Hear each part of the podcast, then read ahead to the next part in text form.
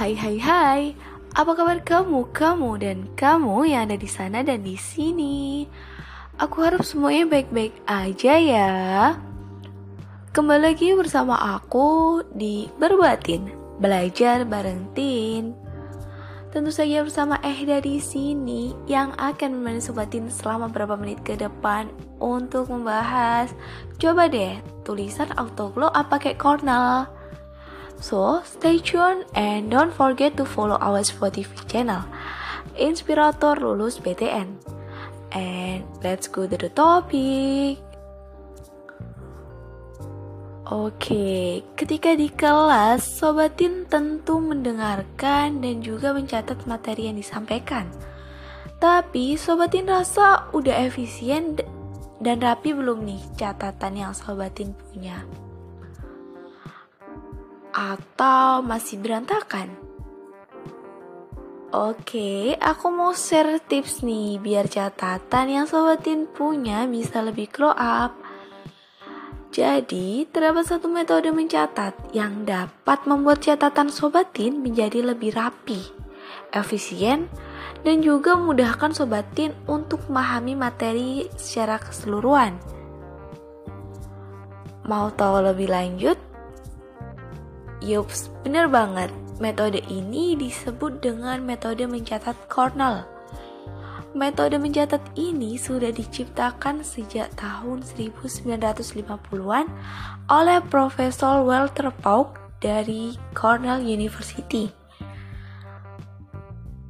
Jadi, yuk tinggalin catatan berantakan yang sobatin bikin karena hal itu bisa buat sobatin pusing dan praktikkan metode Cornell berikut ini.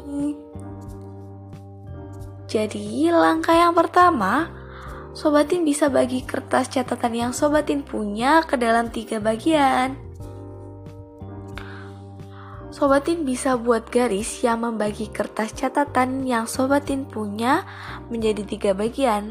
Pertama, Buatlah garis horizontal dengan jarak 5 hingga 6 baris dari bagian bawah kertas. Sebaiknya buat garis dengan pulpen atau spidol ya, agar tulisan lebih cukup tebal dan bisa terlihat batasannya dengan jelas. Kemudian, buat garis vertikal dengan panjang sekitar 5 cm dari kiri. Garis vertikal ini harus memanjang dari garis horizontal di bagian bawah catatan yang telah sobatin buat tadi hingga bagian atas kertas ya. Oke, langkah yang kedua, kolom paling besar untuk menulis catatan yang sobatin perlukan. Jadi, teknik mencatat dengan metode Cornell mengharuskan sobatin untuk menggunakan kalimat-kalimat yang ringkas.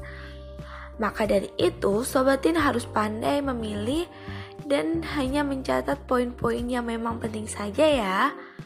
Kolom di sisi kanan dengan ruang paling besar adalah area utama untuk sobatin mencatat materi yang sedang dipelajari.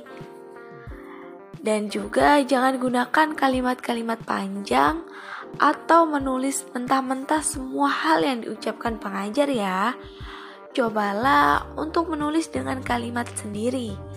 Atau sobatin bisa menggunakan simbol untuk istilah tertentu agar catatan sobatin bisa lebih ringkas. Langkah yang ketiga, kolom kecil di sebelah kiri untuk mencatat kata kunci atau pertanyaan.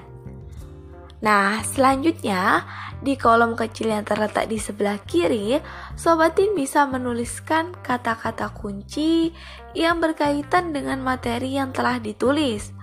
Selain itu, kolom kecil ini juga bisa Sobatin gunakan loh untuk mencatat istilah-istilah asing yang baru Sobatin ketahui. Contohnya nih, Sobatin sedang belajar matematika mengenai statistika. Pada kolom di sebelah kiri, Sobatin bisa menuliskan istilah asing terkait materi seperti median, kuartil, simpangan, dan lainnya. Kolom ini akan membuat Sobatin dapat lebih melihat topik secara garis besar. Nah, yang terakhir, kolom paling bawah untuk menulis kesimpulan.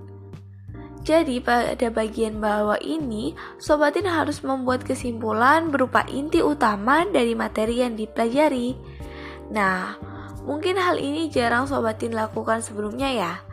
Namun dengan metode Cornell ini, sobatin dipaksa untuk kembali mengulas atau mereview topik yang telah sobatin pelajari. Caranya, simpulkan hal-hal yang sudah sobatin catat di kolom catatan dan kata kunci, kemudian buatlah kesimpulan. Dengan begitu, sobatin bisa menguasai materi dengan lebih baik. Fakta menariknya nih, ketika sobatin mencatat, sobatin tidak hanya mengandalkan otak untuk mengingat materi yang sedang dipelajari, tetapi juga melibatkan tangan dalam proses belajar. Dengan begitu, sobatin juga bisa mengingat pelajaran dengan lebih mudah efektif buat mencatat bukan? Oke, karena aku sudah menemani sobat ini selama beberapa menit ke belakang, gak kerasa nih saatnya kita berpisah. Tapi jangan sedih, karena di episode selanjutnya aku bakal kembali lagi dengan bahasan-bahasan yang lebih menarik tentunya. Semoga berbatin yang sudah aku sampaikan di episode kali ini bisa menambah insight untuk teman-teman semua ya. Baiklah, aku Ehda undur diri. Sekian dan terima kasih untuk hari ini. Don't forget to follow our Spotify channel, Inspirator Lulus PTN. Sampai jumpa di episode berikutnya. Dadah.